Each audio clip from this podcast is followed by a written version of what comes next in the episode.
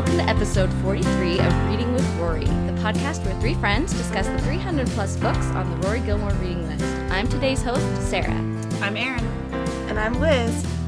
And today we are discussing Stephen King's 1983 book, Christine, about a 1958 Plymouth Fury possessed by the murderous spirit of a gross old man. And it was referenced in season one when. I'm sorry, I really like that description. I mean, that's really That's all you need to know. Uh, it was referenced in season one when Dean reveals to Rory that he's building her a classic car. And I think this is another one of those sneaky references to the book by way of the movie adaptation, but oh well, we're going to go with it. Uh, we have a special guest joining us today. We are joined by Rob Ryder, who has a great alliterative name and happens to be the brother of our own dear Erin, because we like to keep it in the family here. what can we say? um, so today we're talking cars, and we felt like we should be joined by someone who knows what they're talking about and can give us a little insight into the unique American passion for the automobile that this book is so concerned with. So Rob has a degree in automotive technology with an emphasis in high uh, performance powertrains, is a National Technical Honor Society member, and has worked on everything from high performance vehicles to heavy duty diesel machines like semis and snowcats. We are thrilled to have him. Welcome, Rob. Thanks for having me. I'm glad to be here. Yeah. All right. I'm glad you're here. yes, I'm very Things to learn. There's nothing I'd rather be doing than be on a podcast about a weird book and cars on a Saturday. It's perfect. All right. So now, before we get started, as is custom around here, we need to check in on Friday night dinner, which is uh our code word of saying what we're eating for this discussion. So, what's on the menu today, guys? Erin?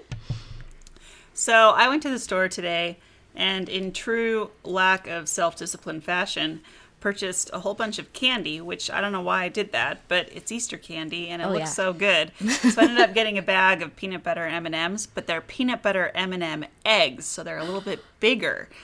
And now that's what I'm eating. Oh, I'm going to need to look further into this situation. You. I know they look they're about the size of like the robin eggs. Even though I don't like robin eggs, I don't like the melted thing. The Cadbury, the, I also bought the Cadbury mini eggs, which are amazing. But right now I'm eating the peanut butter M and M's, and the bag's almost gone. It was, you know, again, lack of self control. I like it. I like it. Um, I have the same lack of self control because I'm eating the Cadbury mini eggs that I bought at the store. and it's not like I went the to air. the store to buy them. I just see them. And I'm like, well, yes, that's happening. And then I immediately open them and they're just addictive and my And then they're gone Yeah. in just a matter of hours. Rob, what about you? What are you eating? Uh, well, typically uh, I'm on the uh, Coke and cup of noodles diet, um, it's- which is kind of a bummer because each time I open one, it's just like this weird foamy cup of sadness that I dive into. but um, you know, it gets the job done, and uh, I don't have to leave my desk at work to eat one. So you Yep. know, Yep. that, that that's what I'm rolling with right now. Convenient. yes, convenience is important. I am having also uh, on the same vein of lack of self control, but uh, different different family. I'm just going full carb explosion, and I have some Greek food. Um, there's this Greek place in Salt Lake that's my favorite, and I've developed a good rapport with the drive-in. The guy, well, he's the proprietor, and he's always at the window for the drive-in, and we fully recognize each other, and it's great. Anyway, Are you on a first name basis yet? How often I go? No, uh, but Well, wait, uh, what's the place? it's called Greek City Grill.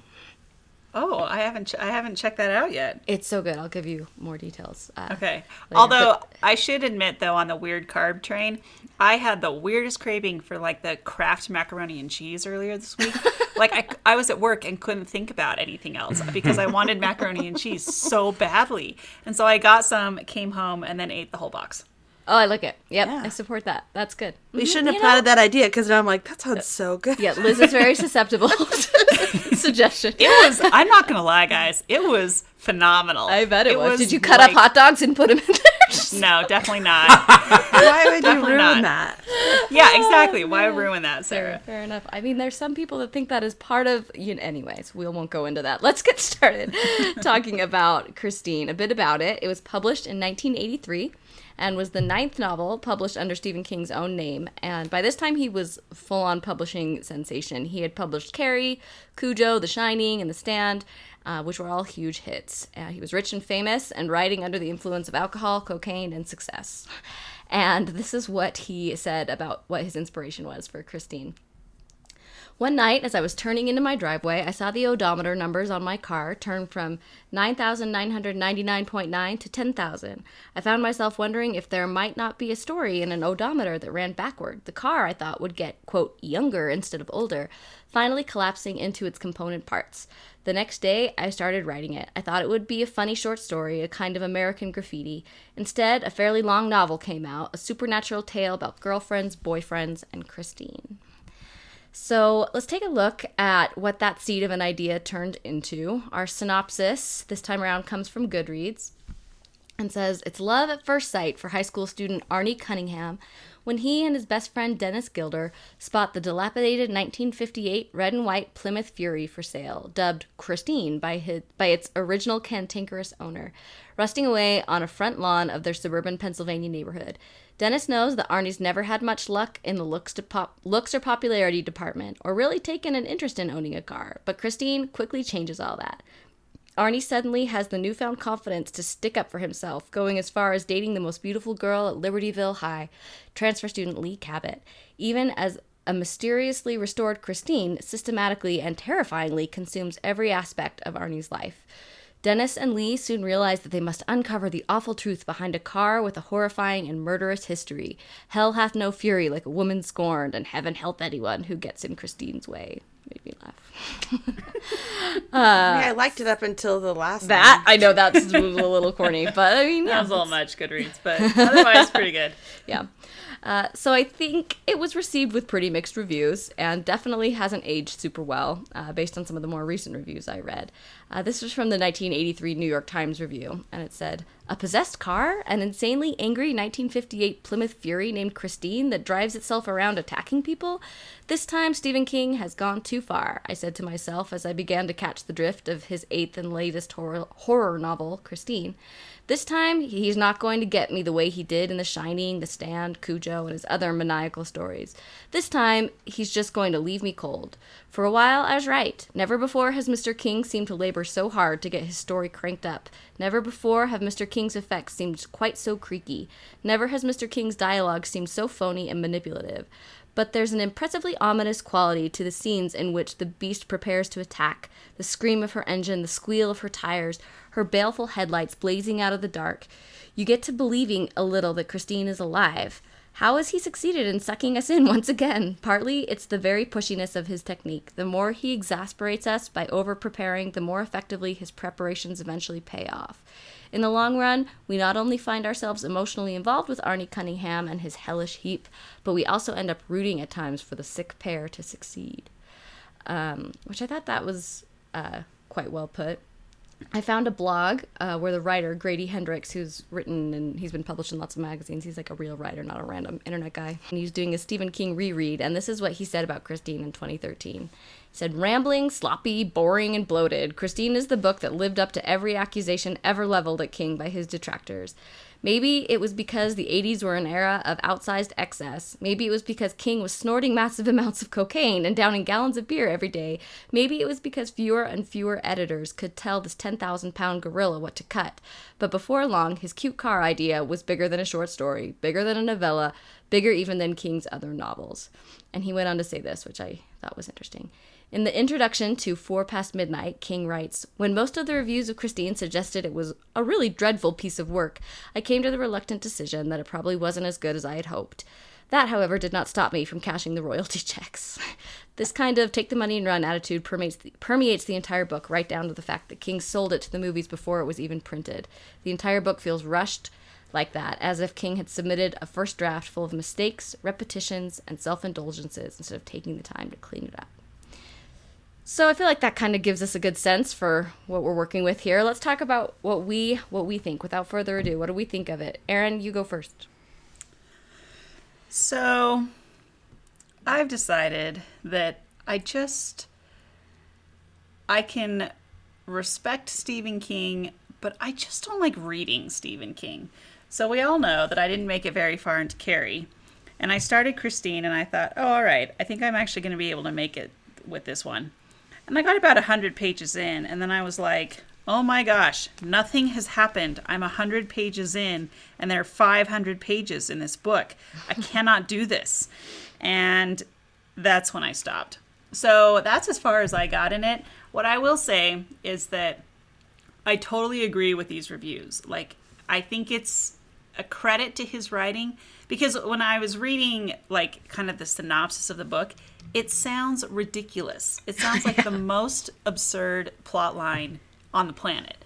And the fact that he can take a plot line like that and turn it into a book that you actually can read, like, I could have finished it, I could have made myself finish it. But, um, and, and the fact that he can do that, I think is actually like a, a real testament to his skill but it sure doesn't mean that I like it and that I want to spend time with it. And a 500 page novel about a demonic car was just a, a lot. So, in terms of a rating, I'd probably give it like a three because the, the two conflicting sides of that probably put me right in the middle. All right, I can see that. Yep, I 100% understand everything you're saying. I agree and see where you're coming from. yes. Liz, what about you? Um, so I will start out. I gave it a 3.5. Here's my reasoning. I did not relate to much of the characters and to a lot of the what was happening in the story, but that's okay. That doesn't I don't have to relate to everything personally. It doesn't all have to be in connection to me, but I did feel like there was lots of scenes or lots of chapters that were dragged out too long and entire dialogues and conversations between parents and Dennis or between um, different characters and just dissecting things again that he had just witnessed firsthand in the story wasn't necessary. I don't need them to recap something that they just showed us in the chapter through another conversation. So I think that there were some things that I was kind of impatient with, like get on with this already. but I did actually kind of find the uh, concept kind of fascinating, right? That this these some this car or something you you know use daily that you love can kind of overcome you and also, you know, kill people, I guess. But like, I just thought that was kind of a inanimate object taking on a life of its own was sort of a spooky what if scenario that I could get behind a little bit.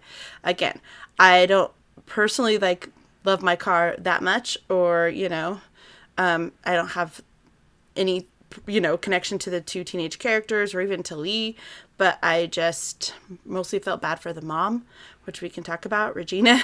um, okay. That was probably like my main, my main emotional connection to any of the characters. But I did enjoy reading in parts of it because he is a good writer. He can pull you in when you're not that into it, right? So I eventually got there and I was pulled in. So 3.5. 3.5. All right. So Rob, I mean, we're we're bringing you in as just kind of like we need someone here who understands cars and who loves cars. But okay, did you get did you did you read any of this book? Do you have any thoughts on the book itself? You know, uh, you know what? I did not. Um, but uh, you know, it, it it's funny because I I I've uh, you know I've talked with Erin a little bit about it and you know kind of what the premise of the book is, and it's it, it in just uh, you know a, a ten minute conversation. It's very easy for me to to relate to how you know this car behaves and the relationship between is Arnie and and the car you yeah. know and uh, mm-hmm. it's it's um, there's a lot of truth there believe it or not uh, about how the relationship between the two of them is and how I mean it is as silly as this sounds there are actually cars out nowadays uh, they're very high end vehicles that actually have bodywork that can repair itself if it gets damaged. Really? You know, yes. So it's uh, in that respect, I you know I can, I can relate quite strongly to this book and. Was it I inspired could, by Stephen King? well, maybe. and I, I can, I, you know, I could tell you that I am going to go home and read this book because I can relate to it, but that would be that would be a bold faced lie. Uh, I don't read books like this. I mean, yeah, and just work on a car. Gonna, that sounds better. yeah, and we'll get we, we, we're gonna get deeper into the the car thing. I do just want to quickly touch on my my experience with it was. um yeah, I so I actually listened to it. I'm going through like a really busy time at work and there's no way I was to have the time to read this 500 page book um, in my downtime because I don't have a ton of downtime. So um, I've been listening to it as I commute and get ready and things like that.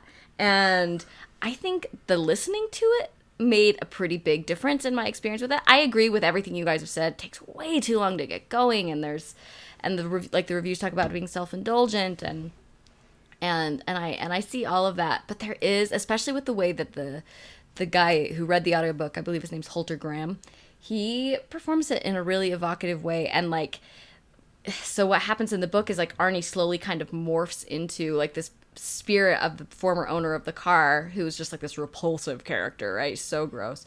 He like embodies Arnie and Arnie becomes more and more like him. And it was so interesting because as the guy would read it, his voice would change. And like there's nothing in like the the, the book doesn't say anything about his voice changing, right? So it's just kind of like it was this performance of it that kind of pulled me in and I and so I think I was much more drawn into it. I also think I don't ever read horror. Like what Rob was saying, this is not the kind of book I read. And so I appreciate this experiment that we're doing because it kind of opens me up to I think books are supposed to kind of open you up to new experiences that you wouldn't normally relate to. So I think that this is this is a ultimately a good exercise, but I had a hard time with the book. I was quite unpleasant and I don't love reading like really gro- gory details about bodies, you know, being mowed over by a car repeatedly, and like he really just goes and goes for it, and is like over. Those passages were really overwritten. I mean, they're evocative. Don't get me wrong, but it may be a little too evocative, and and but I also don't have any experience with horror novels, and so for me, it was kind of like okay. I don't hate this. Like it was like I didn't think of Carrie as like a horror novel. I just thought of it as a novel and it had kind of a supernatural element to it. But this was more just straight up horror and it was really my first experience with it outside of reading like R.L. Stine books as a kid. and um Go and so- goosebumps. yeah and uh and so i think um it was i was found it interesting to read the reviews saying this is king at his worst right because really because i was like i think he's a good writer like this isn't really for me but i like this kind of a thing you know what i mean like i like his writing and so it kind of makes me excited to read some of his other stuff because it's if this is him at his worst i think that there's some other good stuff to find so uh but like Liz said, I think there's some interesting ideas to explore here. I'd probably give it a three, I or maybe a three and a half. I did too. I just it was it was interesting, it was thought provoking, but ultimately just kind of left me feeling a little cold. Um, but I want to talk about. I want to talk like a King is a child of the 50s. Obviously, has a fascination with cars. I think there's kind of like Happy Days element to this. It's set in the 70s, and um, and the car itself is from the 50s, and kind of has this. It's kind of evoking this kind of moment in time a little bit uh, that I think King is particularly interested in, and it's something that I don't know if if we personally relate to. So we we brought Rob here, and I want you to tell us, Rob, what is it about cars that speaks to you, and and like what's the attraction? Well, you know, um,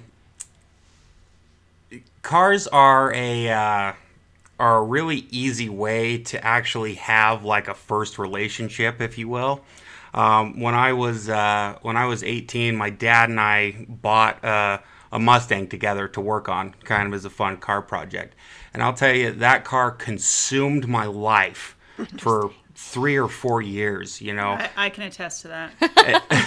and, uh, to the point, you know, I, I, I used to refer, I, I still call that car Stang Baby, you know, and it, it, it's, it was my first girlfriend, you know, it's really, you know, and um, it's real easy to like, you know, talk to her and, you know, she always does what I want and like, it's the easiest relationship I've ever had, you know.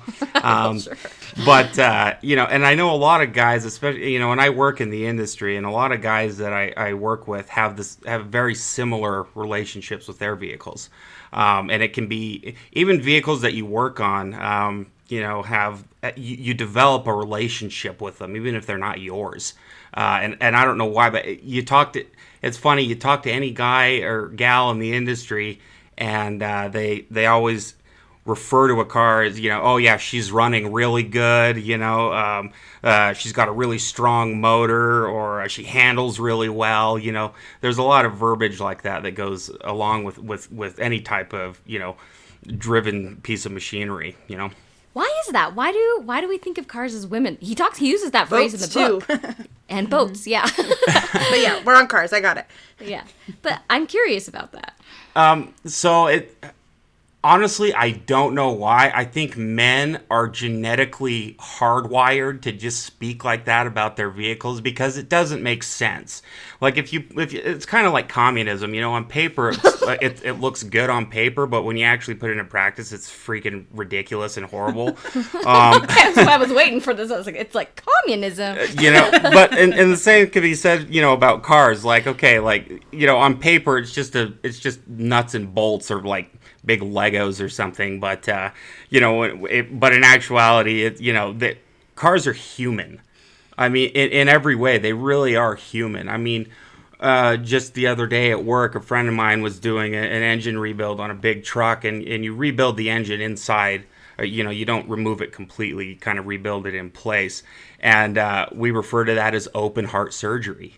You know, uh, anytime you take an engine out, it's like I'm taking the heart of the vehicle out. And, and cars have, uh, cars or trucks or anything, I mean, they, they, they have their own heartbeat because you can tell when something is wrong. You know, when your engine's not running well or, or something's not running right on the vehicle, you know that something is wrong. Uh, like if you don't change your oil forever, the car's sluggish, it doesn't move very well. And I mean, same thing could be said for somebody else who doesn't take care of themselves. Someone who's got really high blood pressure, or um, you know they've got a you know they're not very healthy or something. The minute they start to change and get healthy, their heartbeat gets better right? And so when you do, you know, good preventative maintenance on your vehicle, you change oil, you know, as you're supposed to, and uh, you know, you do the the the scheduled maintenance on it. You know, it, it's it's got a stronger heartbeat and it runs better. You know. Hmm. I mean, it kind of makes me think of like that is those. Well, it, it makes me think of Gone in sixty seconds with uh, Nicolas Cage, right? Like where he's like, there's the one car, the Shelby, and and they name all the cars women's names, her, right? Her, her, name is Eleanor, by oh, right. the way. Eleanor, yeah, yeah, that's right. And and and, and, and, and I need to point out specifically that Eleanor right in that here. in that movie, uh, that's not a real GT500. That's called a GT500E and the E is for Eleanor, but the front fascia on that car was designed by a guy named Chip Foose, who's a, an amazing car designer, but that, that was a modification to that vehicle specifically for that movie. I just had to throw that out there. Sorry.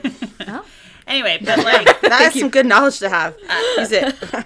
I, yeah, but it just it makes me think of that movie, right? Where like Eleanor is the one car, like it's he he like there's this there's this thing with that car, right? And like the ability to get that car and to to to actually like all the other cars he's not concerned about, but that car, that's the one that's going to be his Achilles heel. Well, they were they referred when they finally find Eleanor in the city in that movie. You know, he's with a couple of his other you know thieves, if you will. Um, they they look at that car and the, as Nicolas Cage's character is looking at it, one of his uh, his buddies is explaining to one of the other guys that it's like a unicorn, a fable creature, impossible to capture, you know, and untamable. And uh, it's like it's kind of like your your idea, like his ideal girlfriend, right? Like th- that girl that's just like impossible, eh, you know, against all odds. You know, th- there's there's no way you're gonna ever, you know, close the deal or whatever. Um, and and and also in that car or in that movie, uh, all of the cars that they boost, which is the term they use for stealing them. Um, they're all named after women, every one of them. Mm-hmm. Interesting. Yeah. I mean, yeah, that's something that like I've observed just in the world around me, and not something I totally get. Um, this book kind of deals with like there's even parts where it's like pretty explicit, like sexually, right? Like Christine is like a is like a rival to his girlfriend and like there's there's a few allusions to I don't know. And I'm just kind of like, I don't understand this at all. So it's um it's interesting to hear it that way. And I think you definitely make some compelling points there. I do I think about like Arnie, right? So here we have this character, Arnie Cunningham, which he's like this really gawky, awkward, nerdy teen, and the book spends a lot of time talking about his acne, like in really descriptive terms. Yeah, really descriptive food terms. He eats that's really good or bad for his yeah. And it's like, we get it, Stephen King. He has acne and it's bad. And apparently that's just this ultimate indicator. It's just so stereotypical. You know what I mean? Like this. And again, when I was listening to the audiobook, the guy, his voice would crack a lot and he sounded so um, just painful. And he sees that he drives by this car, and it immediately just like. like it's like love at first sight, right? Like he sees this car and he just pours everything into it. So I think that's so interesting what you talk about it being like a first relationship because I definitely feel like that is depicted in this in this novel pretty evocatively, but it it like so much so that it like changes him. And he, he his and in in and in ways that aren't believable obviously. Like his acne miraculously disappears and he, He gains confidence to call a girl. yeah. But i wonder about that like that sense of of confidence. Like what does the car represent to someone? Like is it you know you do have this relationship that is for intents and purposes i think it, it is a great relationship. It, in a lot of ways cars are less complicated than women. And it's easier to to have a relationship with a with a non-sentient object. But you know it obviously does have characteristics and human characteristics that you point out in really compelling ways. But i think that I just think it's interesting. Like, how does it, how how does it have such an effect on on your confidence? Like, what it represents to you? Okay, so this is a really like fun thing to talk about uh, f- for me, and I got to back up just a little bit. You know, talking about this this uh, character in the book. You know, he's got this horrible acne, and it. Correct me if I'm wrong, but it gets better as he Yeah. spends more time with the vehicle, right? Yeah. Th- that's uh, not entirely true on how it really works with vehicles because the more you work on vehicles and the more you're around them in a shop, it your acne actually gets worse because of all the oils and stuff that get on your face, you know. And I, I'm I'm dead serious about this. When I was in school, the the professors that I had, they would always give us skin health health care like skin things that we could go home and and do to make sure that our acne didn't get like completely out of control from working my on gosh. cars but um you know uh anyway so uh the re- the relationship with the car like uh y- I, I, I keep throwing out movie stuff here, but uh. I, I think We the like uh, uh, the transporter with Jason Statham, um, that uh, there's there's a line in there where uh, you know he's he's kind of under investigation, and one of these cops that kind of knows him, he he says something to him like, uh, you know, you can tell a lot about a man's character by how he takes care of his car, and um, you know, it, it's kind of like if, when when you when you really get into a vehicle and like it's like your absolute pride and joy, you spend so much time like taking care of it. You know, when people have dirty shoes, you don't let them get in the car. Uh, and uh, you know, like I've ha- I've made people take their shoes off in my car before. Um, you, and I mean, you kind of and, and like you dress differently. I mean, there were I can remember many many nights where I would be out. And you know, I had a couple friends who had really nice cars, and when I had my Mustang, we would go out and just you know basically terrorize the city and um, we but we would be dressed well. We had like proper driving shoes driving gloves hats sunglasses. well they're actually shoes that are meant for driving believe it or not. And so it, the car kind of forces you to dress a certain way when you, when, you, when you're really into it and you know much like a girlfriend would to me if i start dressing like a schlub you know she's going to tell me oh no go back in and change you know? And the car the car can do the same thing to you you know? You, you don't want to get in a, a really like i mean think about it. If you had a ferrari would you be wearing grubby clothes when you got in that thing? Or dirty clothes? I mean, you'd be dressed to the nines. I mean, I would, because you don't want to be seen getting out of a Ferrari looking like you know you just You rolled out it. of bed. Like you want to get out like like holy cow, I'm wearing a three piece suit, you know, and I've got nice shoes, and you know, I'm I'm I'm I'm real proper. You know what I mean? Mm-hmm. Yep. All right. All right. I get on board with that. I like a three piece suit. See, exactly, and the, and the car will tell you the same thing. So I think the thing that's really interesting is that you have people who like the whole idea of naming your car, right? Like I've never named a car. It just like I have a Subaru, but I call it like my Subi if I call it anything. But it just like you know, it's a little nick it's a little nickname for it. And I guess I do have a nickname for it. But I don't I've never given it like a proper name. But a lot but a lot of people do and um like a lot of people do. And I just think it's like you spend so much time with your car. And like it's interesting to think about like the cars that you connect with and the cars that you don't. Because there are times when I'm be driving down the road and I'll look at a car and I'll think that is the ugliest car I've ever seen. Why on earth would someone spend money on that? like talk about a waste of a waste of thousands of dollars.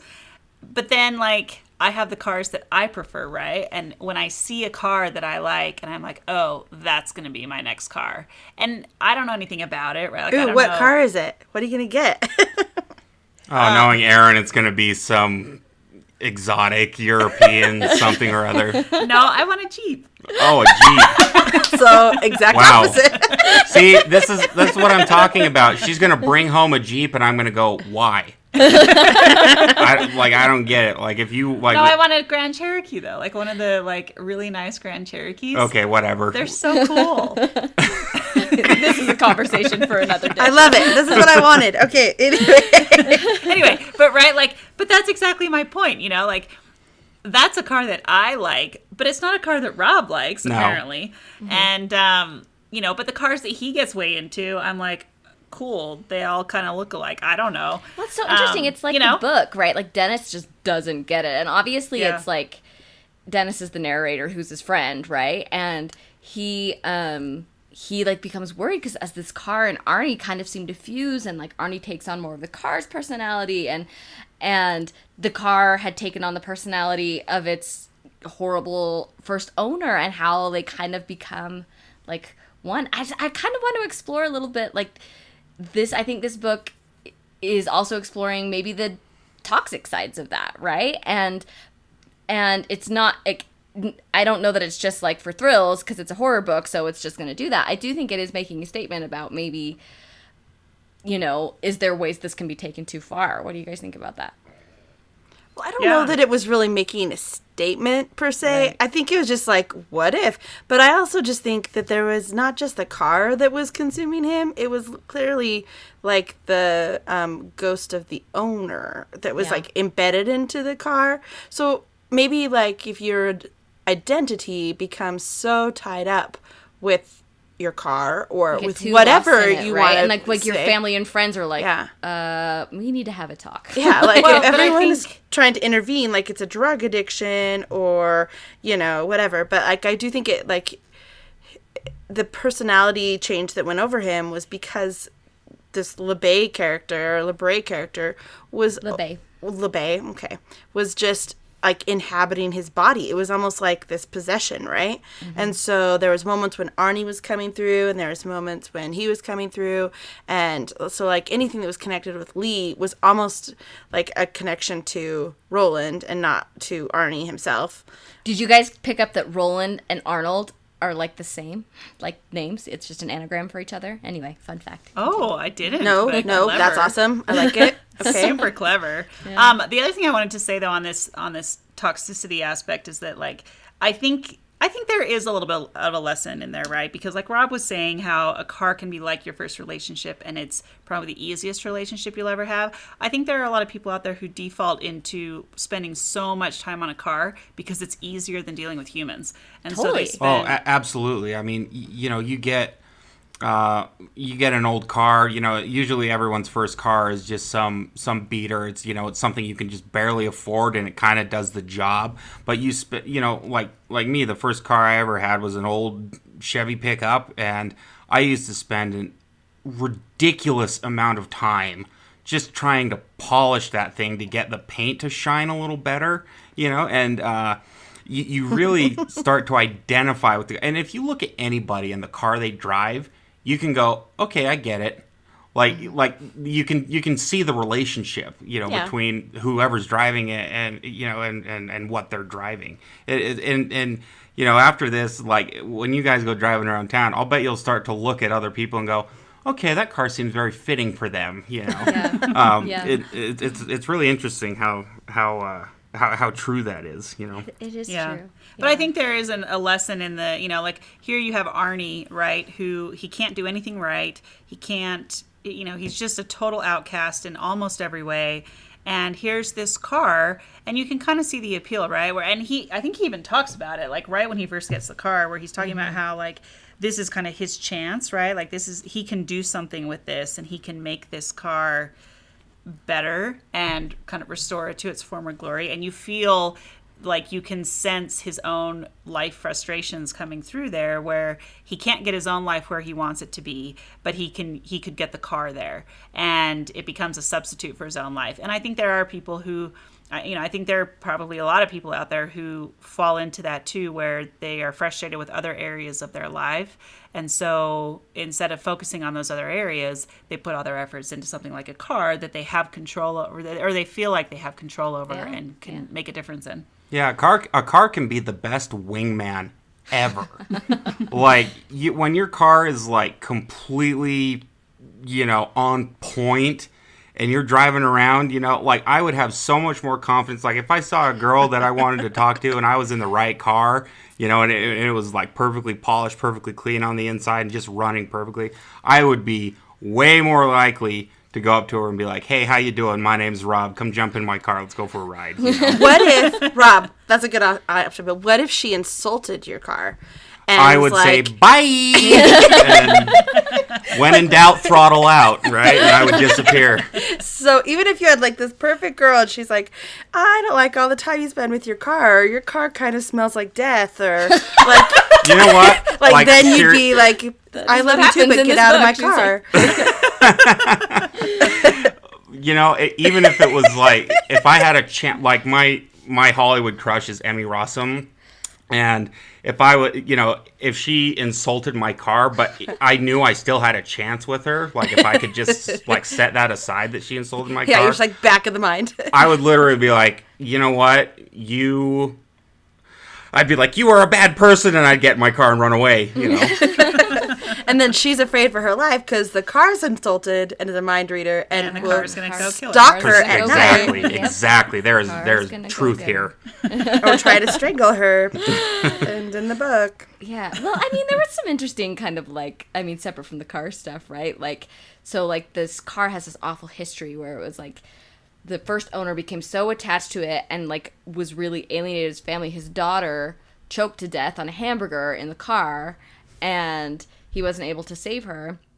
And then his wife, um, who was so miserable and depressed about the death of their daughter, committed suicide in the car, like plugged up the exhaust and com- died of carbon monoxide poisoning. And he just became so enveloped in this car. So then later, when Arnie has it, like the car like reenacts these moments, like it, like his girlfriend almost chokes to death on a piece of a hamburger and and Arnie doesn't like save her. he like it's like he's back he doesn't and it, there's like a big plot point about the introduction of the heimlich maneuver.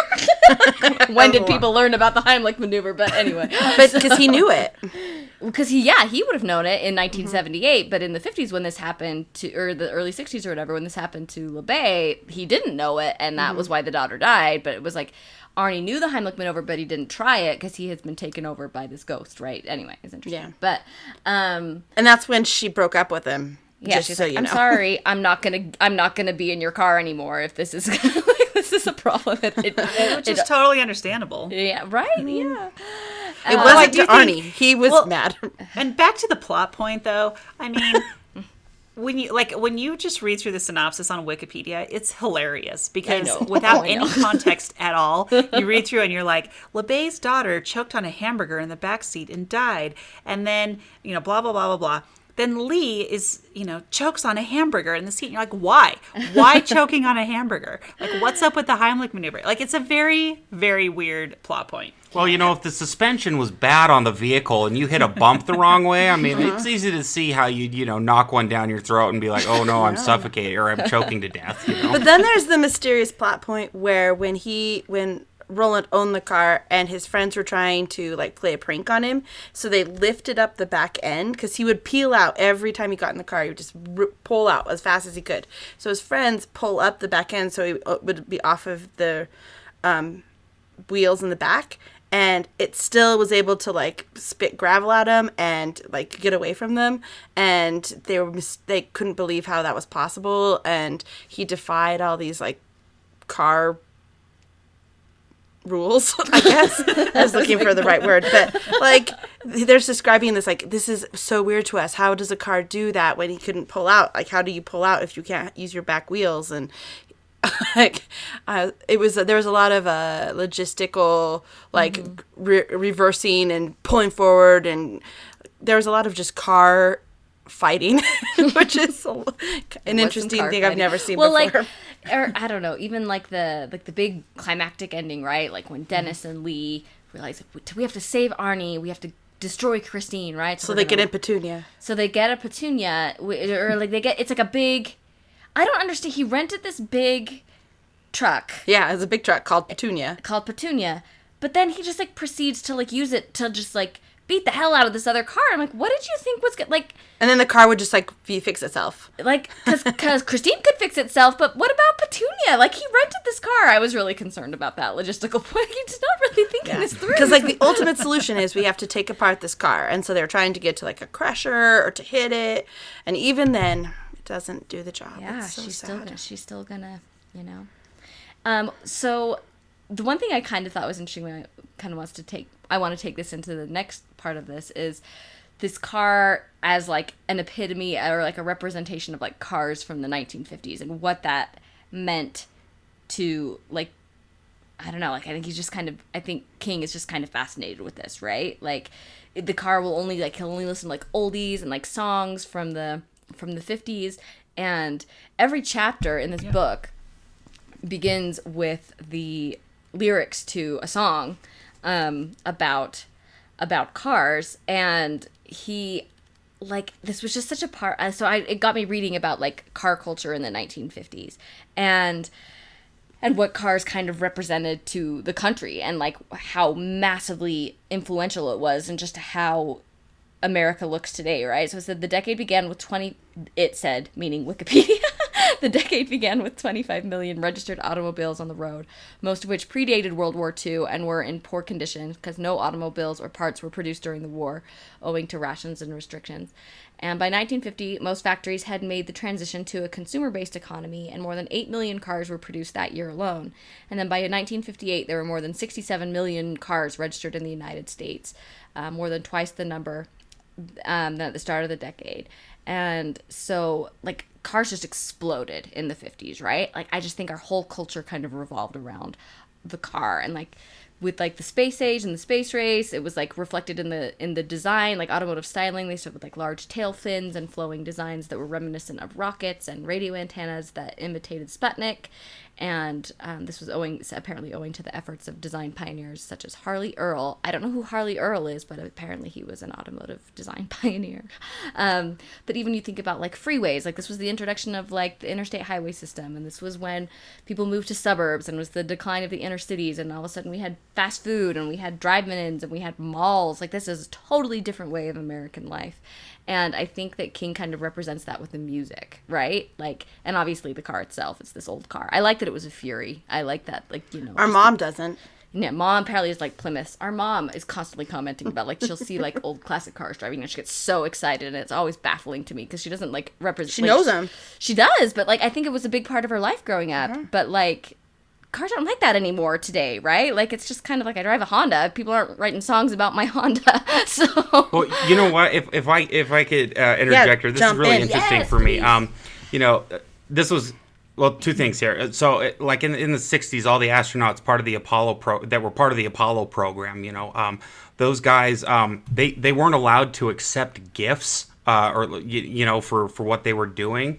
But uh, so uh, when the when the when the Stingray, the Corvette Stingray, was around, and it was a really really cool kind of hot muscle car uh, at that time, and Chevy had a deal worked out with the astronauts uh, that they could buy that car for one dollar, and that's why all of the Apollo astronauts had that car. You know, it was and they were like rock stars in their Oh, day. they they absolutely were, you know. But um, and then going back a little further, you know, I was um, I was fortunate enough to go to Cuba a few years ago uh, on a uh, kind of humanitarian uh, trip, and I got to do some diving there as well.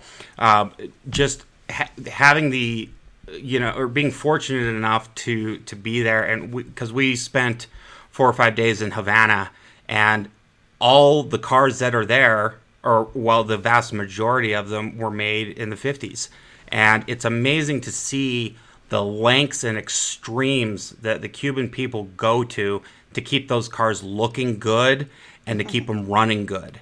I mean they have some of the cars they have old russian boat motors in them to keep them going.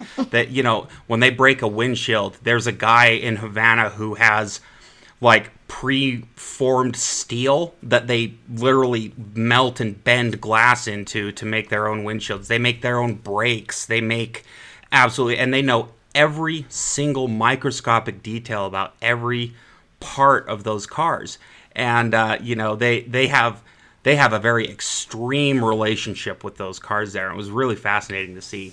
That is really interesting. I do like. I just do think that cars in the '50s were just. It was just such a unique time. I was even thinking about it in terms of this book is set in the 70s and it's looking back to cars from the 50s and again all these songs that were written about them and and um and I'm thinking about now if this book is set now like you're not seeing like romantic stories or songs written about like your your 2001 Toyota Corolla. Like it's just a different kind of like it's just a different kind of a thing right? Like it was this was very much a moment in time that was that I think has been really romanticized by us now and cars play a, a you know we've explored that relationship with it but it it they don't it's not like this like s- symbols of American life like they like they used to be. And and I do think he like King like in how he uses the music, right? So literally every chapter starts with song lyrics, and then the book is divided into three parts. And the first part, part one, is like teenage car songs, and part two is teenage love songs, and part three is teenage death songs, and and and he he uses all these song lyrics.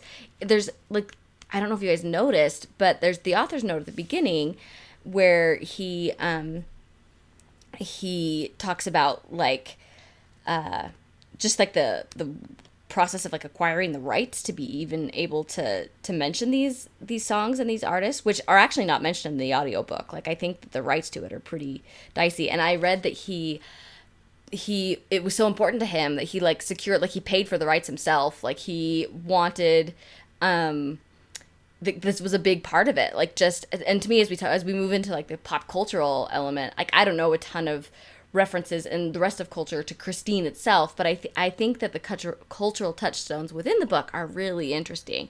Um, and he talks about all these lyrics he's quoted at the beginning in the author's note. He says lyrics quoted in this book are assigned to the singer or singers or group most commonly associated with them. This may offend the purist who feels that the song lyric belongs more to the writer than the singer. What have you done? The purist might argue is a excuse me. What you have done, the purist might argue, is akin to ascribing the words of Mark Twain to Hal Holbrook. I don't agree. In the world of popular song, it is as the Rolling Stones say, the singer, not the song. For those who want to know the names of the writers, they are here, and I thank them all, most particularly Chuck Berry, Bruce, Bruce Springsteen, Brian Wilson, and Jan Berry of Jan Dean. And he says he did come back from Dead Man's Curve. And then he lists, there's three pages worth of songs that he references. And I wondered if you guys had any like favorite car songs or ca- like songs that were referenced in the book or songs about cars that you that you particularly like because that does seem to be kind of a big part of American culture, or just the music element of it. Well, you know, I used to have a, uh, I had two CDs that were literally the only thing I would listen to when I was driving my Mustang. One of, one of them was called Late Driving Music, and uh, the other one was called Slamma Jamma Techno Extravaganza. and it's just it. Both of those were just full of music that would just kind of give you this like weird extra kind of zest or you know like but Put your anyway, foot down and go faster. when in doubt, throttle out, right? Yeah, and yeah, so, uh, I mean, I could listen to those, and there were there were many many days where I could drive all day. I mean, I used to drive to Jackson and home in the same day just for the chance to listen to those those songs and be in my car, you know, uh, Yeah. going to and from. And I used to do that all the time. Wait, what was the name of the second CD? Slam a jam. What? Slamma Jamma Techno Extravaganza. Yeah, yeah. All right. Oh, and I mean, gotta my check this out. my curiosity is piqued. I know. Sure. Well, but those are the names you gave them, right? That was that was the name of the CD. Oh. Yeah, you- you put the songs uh, on there, yeah. well, yeah. I that's get it, I get what Was it. it the like a mix that you made? Oh yes, yes, it was. Okay, yeah. so I wasn't like can't like, you can search buy. for it on No. Spotify or something. No. Bummer. But I know But- I just think about like like talks like Chuck Chuck Berry songs or I thought of the Beach Boys. the Beach Boys, totally right. So The Beatles is the one that I like, drive my car. That's the one I always think Mm-hmm. of. yeah. so we'll have all those. I don't know should- Chuck yeah, Berry I was like, so songs, this this time's playlist is gonna be a banger, right? Like, there's I some good songs on here. Yeah. Um, do you know. know, not to equate Stephen King with this author necessarily, but maybe it's fitting. but I remember reading when I was reading Twilight, and no. Oh, Oh boy. I brought it up. It wasn't Dangerous interested. Territory. But she referenced cars all the time. Like she would talk about like what cars the characters are driving and music all the time. And so in some way that kind of just reminded me of that. And um, that's all I'm saying. All right. Fair. No, no, no uh, commentary necessary. I'm know just what? You saying know what? You know Twilight did the same thing. So cool. the end. that first Twilight movie I went to, I didn't make it through the whole thing because I started laughing too much and I Yeah. got kicked out. But um, But you're like a- cool cars. well, I, I was just like, this is the most ridiculous thing I've ever seen. You know, this guy with his sparkly skin, like I just don't get it, right? Yeah. Uh, but there's a, I think this is in that movie where the guy like, what's the girl? What's it? That girl who's like, you know, that re- she's like a really quiet actor. You know what I mean? What's her Oh name? Oh yeah, yeah, yeah. hmm really quiet actor. Chris- are you Yeah, talking about yeah, Kristen Kristen Stewart, the Yeah, Kristen Stewart. Yeah, yeah. Um, she's like, you know, about to get like beat up or mugged or something, and then uh, what's the other, what's the sparkly skin guy's face? Yeah, Robert What's his- Pattinson. Edward, yeah. Edward. Um, he comes flying around the corner in like some weird Volvo hatchback, and I was like, Yeah. you know what? Are you freaking kidding me? Like, no one's gonna buy that car. I still have never seen one of those on the road, and I'm like, but this is so fitting for the sparkly skin face. You know what I mean? But she was very specific. I remember reading this. She was very specific about like how this character drove a Hummer because that's what fit his mood, and he listened to. I'm trying to think of what song it was. Yeah, She it was, really into Muse. I- Yeah, I yo. Muse. That's what it was. And I was like, oh, geez, got it. But like, it was interesting that she used cars and music as a way to characterize the people in the books. And I mean, it does, like you were saying, we can see people by like and uh, determine what people are like by what they listen to and what car they're driving. That does reveal something about their personality. So I guess I can't fault an author for using that as a characterization tool. The end. The end. Fair enough. what a great, what a great comparison list. Yes. Well, I mean- it's like I, th- I do think that like Stephen King's got a little more art to him than Stephenie Meyer, but as far as like Well, yeah, I'm, popular authors go, sure, I can see it. Well, I also think it makes the. I think in some ways, I've read that Stephen King gives- has sold 350 million books. yeah, this we is what I was gonna say. An accessibility factor that people can read the book and be like, "Oh, yeah, I know what a Plymouth Fury looks like," or "Oh, I know those songs," and they like it, right? Or there's like something that is accessible and gives it a kind of a best. Like it's not this like weird out there, no one's heard of it. Sort of thing that you have to wrap your mind around to understand. I think people can relate to the I think that, that that's That- a re- the- that holds a really important place in culture. I think there's Mm-hmm. some people who are snobs and and look down on that kind of thing, but I think it's important to kind of examine the art that speaks to the most people and see what that says about people. So I think it's interesting. Um, so I do want to talk about the film um, briefly because, as I mentioned in the review before, it was like he had sold it to he had sold the rights before I think he'd even finished the book. Um, like the the producer of the film uh, had kind of worked with him on some previous stuff, and so they were kind of in conversation. So um, he was just kind of like the book was released in 1983 and so was the movie like it was really right on top of each other so it was made and it was made by john carpenter that was the director who is like this um again i'm not a horror aficionado but i'm sure our horror aficionados out there will appreciate john carpenter. He's the one that did the halloween films like the mike michael myers and um is definitely um a mainstay of the genre. And but he talked about how he- when he read about this the the description of the plot he's like this is weird. Like it doesn't it's not, this book isn't that scary but okay i need the paycheck was essentially what he said. So um they made some changes to the plot like as opposed to have it just being like that like the previous owner was this like gross awful person like that made the car like that possessed the car and made it bad. It was like it became it was like bad straight from the assembly line and he um and yeah he made some other it made some other tweaks i think that what was interesting was like kevin bacon was supposed to be in the movie but he went went on to be in footloose instead um so thank you footloose and Probably better for his career. Probably a better call, yeah. Um, I think that in I didn't even realize this was a film. I mean, it feels like every King book is adapted on some level and i was like i like i had never even heard of this before like this is not something that i was familiar with so um, but no it was made into a movie and i think it was relatively successful. I think it's gone on to be more of like a cult classic in some circles but um, i didn't watch it. I had no interest in watching it. I uh, I, uh, the book painted the picture pretty vividly enough. So, um, but if there are any other pop culture um, references to the book itself that we missed, or that you know, if, if you guys have favorite, you know, car songs or car like songs you like to listen to when you drive, I think that's a that's a that's a fair point. Like that's a whole other separate thing. We could have a whole other podcast about good driving songs, anyways. Um, but definitely let us know. Uh, well, let's move into our favorite segment, which is what we are inspired to do now that we have finished or not finished. Um, Christine. And I want to start with you, Erin. You only read 100 pages. Did it inspire you to do anything? Well, I'm inspired to get my oil pan fixed, to get my oil changed. Get, Rob, get Rob to look at your heat shield. Yeah. Yeah. Uh huh. yeah. I would I would go to a shop to have someone work on my car, and I would call Rob, and I'd be like, "This is what they're telling me. What do you think?" Yeah. And then he would say, "No, you don't need this done." Well, because the other funny thing, I have to tell this story. Actually, this is funny.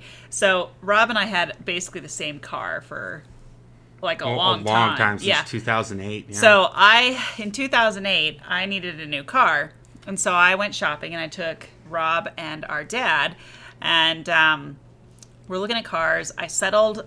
I I had narrowed it down to the basically the type of car, but I just wanted like a day to just like make sure I you know felt good about it, right? You know, I'm being a conscientious buyer.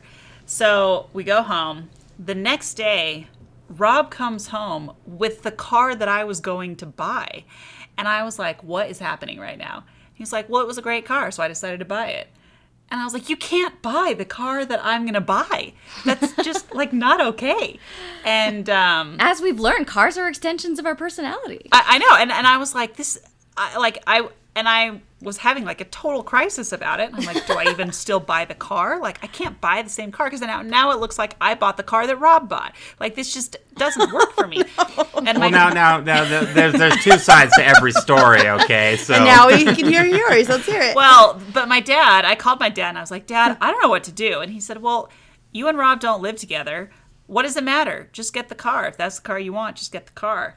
And I was like, Okay. Like it was a very dad thing to say, right? Like it was very practical, like advice. So I bought the car. So for what, 10 years? Yeah. You and I had exactly the same car. Yeah. And, um, same color even. same, yeah, same man. color. The only difference was that Rob got the manual transmission and I got the automatic. Yeah. And um, and then for there was a period of time where we both moved back home, so we were living together. And the driveway it was like our two Subarus that were exactly the same, and you know would just be like parked there in the driveway. But the point of, of that story is that when I would call Rob and say, "Hey, this is what they are telling me they want to do to my car," he knew exactly what was going on with my car, and so he could say, "No, you don't need this. You just had this done. Tell him to do this instead." And it was super great. that reminds me. So uh, back in the day, so we did not come like even though even though our mom has a, a love for you know good old classic cars, we did not have great cars growing up. Like very far from it, and ne- didn't necessarily have the resources to spend on great cars. But at one point, our family had two identical brown Oldsmobile station wagons. And they, they were- Oh man, that's just adding insult to injury. I'm they sorry. were so bad. And and we leaned into it one year. My brother had a tripod. Instead of getting a family picture taken, we all put on like our trashiest clothes and we just posed with the cars.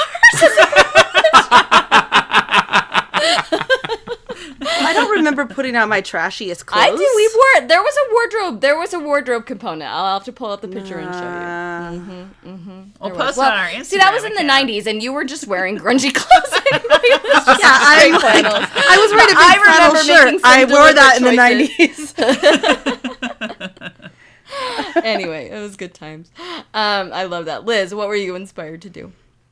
Um, so I was inspired to really treat my car better, right? I think, you know, name it would be a first thing to do. Give it a name. So I'm open to suggestions, so please submit. Um, I also just think, you know, I get a maintenance reminder, better make sure I go do that and just treat my car nicely because clearly, I mean, I like my car a lot. So I want it to, you know, not turn on me because sometimes I feel like, um, well, sometimes, you know, I do think inanimate objects really do take on personalities or have glitches or lemons or whatever, right?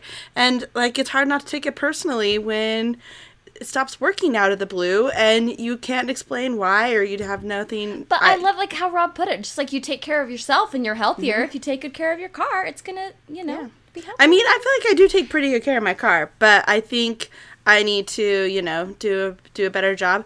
Um, yesterday, I was driving um, a four year old in my car for the first time that had never been inside of it, and she was so excited to ride in my car. And she she gets in. Liz's car is pretty exciting. it's very exciting. Well, anyways, I, I felt that pride that Arnie must have felt when someone got in his car and complimented it. Anyways, she gets in. She's like, "I love your car." She's like, "It's like a Tesla." And I'm like, "Why does this four year old know that?" It's just so and why does she think your Honda Accord is like a Tesla? You know. And so, Elon like, Musk well, is having okay. a panic attack right now. Oh, so bad.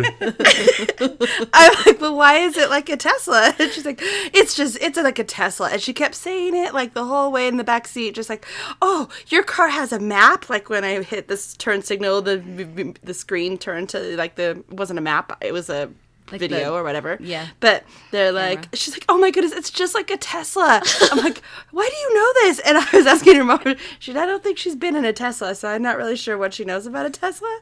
But um, maybe I'll just name my car Tesla. That'd be funny. Yeah.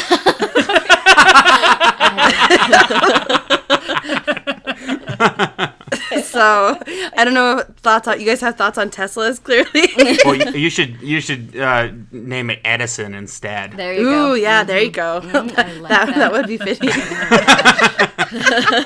Because if we go, if we want to get real nerdy and technical here, I I, mean, know. Tesla was the big like was it. the guy like- who was uh, uh, you know all about AC power, and and Uh-huh. uh, Edison was all about DC power, and you know vehicles there's a run on DC power, so I mean you know it's uh yeah I'd go with Edison.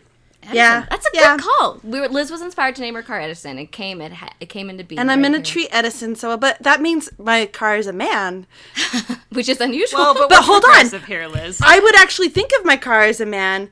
So maybe it is like something we like. You know how we were saying how men like name it a girl, right? Like I would probably do. Maybe it's just like a No, partner, 'cause I right? th- a you think of it as a partner, and I don't know.